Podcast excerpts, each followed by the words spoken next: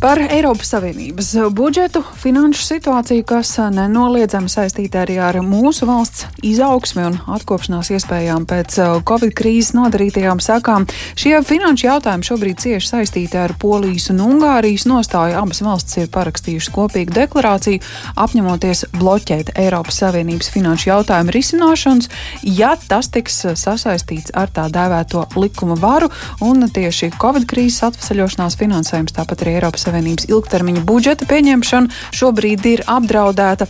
Jā, patiesi Eiropas Savienības izvirzīti nosacījumi, ka Eiropas Savienībā atbalstīts likuma un ētiskās normas ir jāievēro visām valstīm, tā skaitā Polijai un Ungārijai, šobrīd radījuši šo sarežģīto situāciju, par kur gatavojot raidījumu sarunājos ar Latvijas ārpolitikas institūta jaunāko pētnieci Aleksandru Palkovu, un tas bija pirmais, ko viņai vaicāju, vai šobrīd neiznāk tā, ka Eiropas Savienība pati ir izprovocējusi šādu Polijas, Ungārijas izturēšanos Polijas, Ungārijas deklarāciju. Te ir jāatzīmē vairākas lietas. Pirmkārt, nebūtu visai korekti teikt, ka pat Eiropas Savienība šo te ir izprovocējusi no viedokļa tieši, ja mēs raugāmies uz uh, tiesiskuma um, likumu, kas ir ieviests, jeb tas rule of law. Te ir svarīgi ieviest to, ka, ka redziet, Šāda aktivitāte no Polijas un Ungārijas bija vērojama arī iepriekš. Tā problēma jau ir nevis šī tiesisku mehānismu dēļ, bet gan jau pavisam, pavisam plašāk un jau pēdējo desmit gadu vērojam. Problēma no Eiropas Savienības puses ir tajā, ka viņi ir pieļāvusi situāciju šīm autokratām valstīm iesaistīties un noteikti un fokusēties uz izaicinājumiem, kas ir bijuši Eiropas Savienībā citās jomās, piemēram, Brexit, migrāciju, dažādu nolīgumu noslēgšanu, daudz ko citu nepievēršoties tieši demokrātijas jautājumam un cenšoties principā sadzīvot ar to, kā tas ir. Un līdz ar to šobrīd šīs process, kas notiek, bija sagaidāms. Tas ir fakts. Un, un, un tas, kas notiek arī ar Poliju un Ungāriju šobrīd, tas eh, arī bija paredzams. Es pat teiktu, ka uh, valstis bija gatavas tam, ka vienā no brīžiem tas parādīsies uh, aktualitātē tā iemesla pēc, ka jūlija vidū, kad tika pieņemts process par MFF, jeb šo daudzgadu budžeta plānu, savstarpēji valstis sastāja diezgan lielu interpretāciju šiem tiesiskumu mehānismiem terorismu. Un līdz ar to tas bija laika jautājums, kurā brīdī tad, um, šīs tiesisko mehānismu piesaistē daudzgad budžeta plānam nāks klājā. Un ņemot vērā, ka šobrīd, 16. novembrī, valstis principā uzlika un draudēja uzlikt savu veto, un vēl aizvien tas tā notiks, tas bija diezgan, diezgan sagaidāms. Es teiktu, ka problēma ir arī kaut kur daudz dziļāk tajā, ka, ja šobrīd Eiropas Savienības iestādes un dalību valsts padosies šai pašreizējai situācijai, tad uh, tas draud ar to, ka nākotnē šāda izspiešana, izmantojot veto tiesības un uh, principā institucionālās krīzes, varētu būt arī par nākotnes Eiropas Savienības politisko realitāti. Tas tiešām nozīmē diezgan daudz. Bet eh, kāda tad būtu šobrīd izēja no tā strupceļa, kurā ir nonākusi Eiropas Savienība, saprotot, ka Covid eh, izraisītās krīzes atlapšanai finansējums ir nepieciešams, saprotot, ka Polija un Ungārija šobrīd nav gatavi piekāpties, varbūt ir vērts atgriezties pie tā tiesiskuma definējuma, ko Polija un Ungārija saka, ka tas būtu visu pārējo Eiropas Savienības valstu interesēs, ne tikai viņu interesēs, definēt, kādos gadījumos tad sankcijas ir piemērojamas.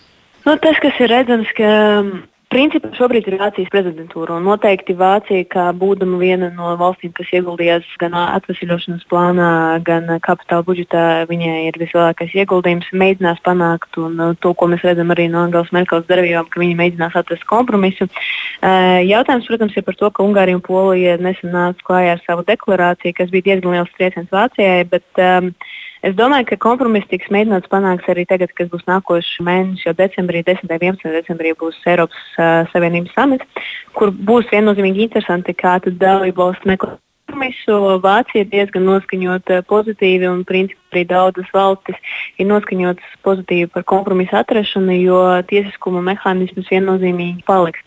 Tā situācija patiesībā ir jāpaskatās arī bišķiņi plašāk un no citas puses, ka Ja mēs skatāmies uz Poliju un Ungāriju, tad jā, viņas ir izveidojušas šo kopējo deklarāciju, ir nu uzlikuši un draud ar veto uzlikšanu ar savu neatbalstīšanu tiesisku mehānismu, kas ir piesaistīts budžetam, bet uh, tā problēma ir tajā, ka arī pati Polija un Ungārija cieš no Covid sekām, un viņa ekonomika ir ieinteresēta šajā daudzgadu budžeta plānā un tīpaši atvesļošanas finansējumā, ko Eiropas Savienība dos principā, ja tās abas valstis paliek pie savas pozīcijas, ka viņas balso pret, un budžets netiek pieņemts, tad Eiropas Savienībai nāksies funkcionēt ar ārkārtas finansējumu naudām, kas pastāvēs. Un, uh, tas nozīmē, ka pati Polija un Ungārija zaudē rezultātā.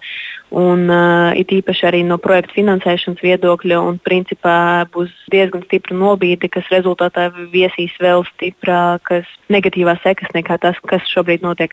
Vēl viena lieta, kas arī ir nozīmīga, tas, ka arī paša sabiedrība, kas ir gan Polijā, gan Ungārijā, neatbalsta vadītāju. Tādiem, piemēram, arī 16. novembrī novembrī, kad notika paziņojums par veto no Ungārijas un Polijas puses, tad uh, Ungārijai tika veikts balsojums par sabiedrību un uh, nostāju. Un sabiedrība balsoja 57% nobalsoja par to, ka viņi ir pret vadītāju šādu rīcību, kas principā rada vēl papildus spiedienu uz, uz pašām valstīm. Tā kā manā skatījumā kompromiss tiks atrasts jautājums, cik ātri Protams, ka Vācija ir ieinteresēta to pabeigt savas prezidentūras laikā, pirms sākās Portugāles prezidentūra.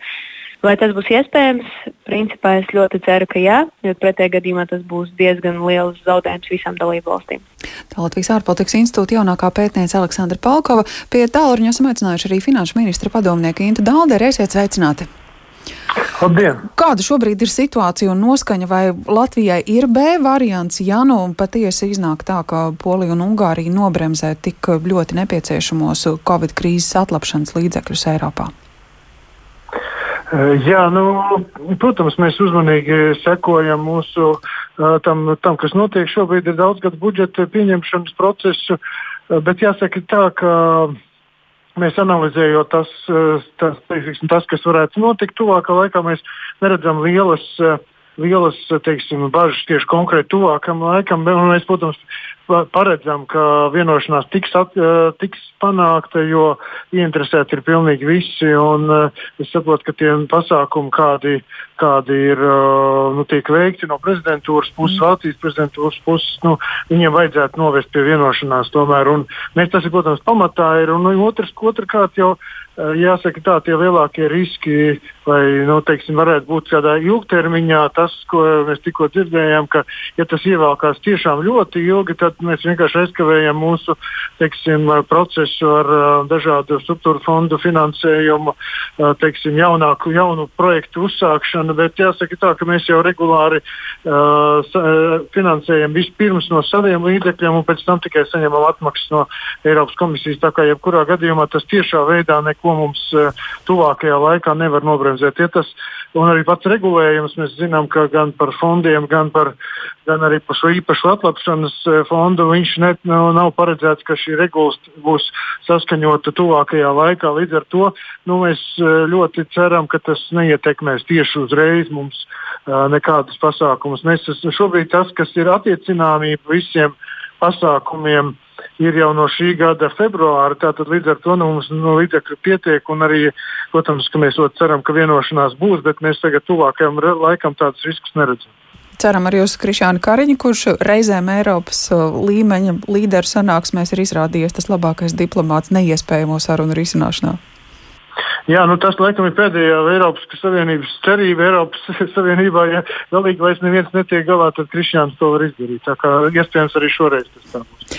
Paldies, Inns Dalders, finanšu ministra padomnieks un arī Latvijas bankas ekonomiste Baiba Brosbārda esam aicinājuši palūkoties uz šīs situācijas, nu, iespējams, to kritiskāko scenāriju. Labdien! Labdien!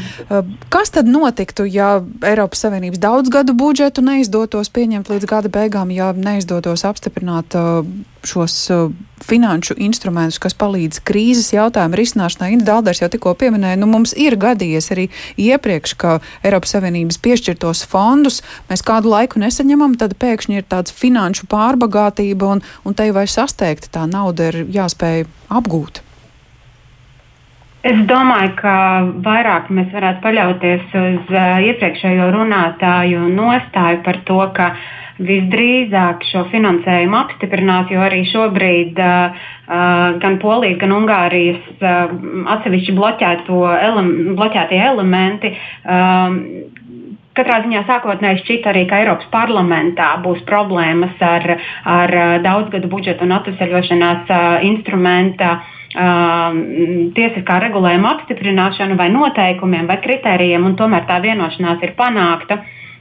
Līdz ar to tas, es domāju, ka vieš cerības, ka, ja ne līdz šā gada beigām, bet ļoti cerams, tad vismaz nākamā gada sākumā izdosies apstiprināt visus nepieciešamos tiesību aktus, jo skaidrs, ka pandēmija un tās radītās sekas ir visas Eiropas ekonomikas problēma, un līdz ar to tiks domāts par Eiropas līmeņa risinājumiem. Protams, atšķirās šobrīd ar kādiem instrumentiem un noteikumiem atbalstu ir jāsniedz, bet uh, tas ir nepieciešams visām dalību valstīm, tā skaitā Latvijā. Mm -hmm. nu, vēl viens ar finanšu pasauli ļoti svarīgs jautājums, kas arī ir jāatrisina turpat Eiropas un ne tikai gaiteņos, bet arī balsošanā un skatot cauri dokumentus, ir Lielbritānijas izstāšanās un tas, cik uh, sakārtots tas process būs.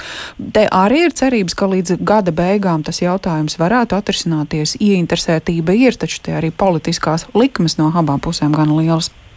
Es domāju, ka Brexit sāga mums vēl kādu laiku būs dienas kārtībā, un, protams, ka tas mums rada riskus gan, gan uh, mūsu ekonomikas attīstībai, gan kopumā Eiropas Savienības ekonomikas rādītājos. Es um, patiesībā Lielbritānijas uh, uh, politiķu nostāju ir ļoti grūti prognozēt, jo viņi ik pa laikam uh, nāk klajā ar paziņojumiem, kas uh, varbūt uh, ir pat pretēji, pretrunā vien, viena ar otru, bet kopumā es domāju, ka tas uh, noteikti nebūtu nav beidzies. Paldies par šo komentāru. Tā Latvijas Bankas ekonomiste Baiva Brusbārda pēcpusdienas programma šajā pusstundā centāmies izprast, cik politiski sarežģītā vai kā dzirdējām, cerams, atrisināmā situācijā šobrīd ir Eiropas Savienība, kur jālemj par daudzgadu budžetu un arī finanšu atbalstu Covid krīzes atgūšanās iespējām visā Eiropas Savienībā. Šobrīd Polija un Ungārija ir ieņēmuši diezgan apņēmīgu nostāju bloķēt šo finanšu dokumentu tālāko virzību.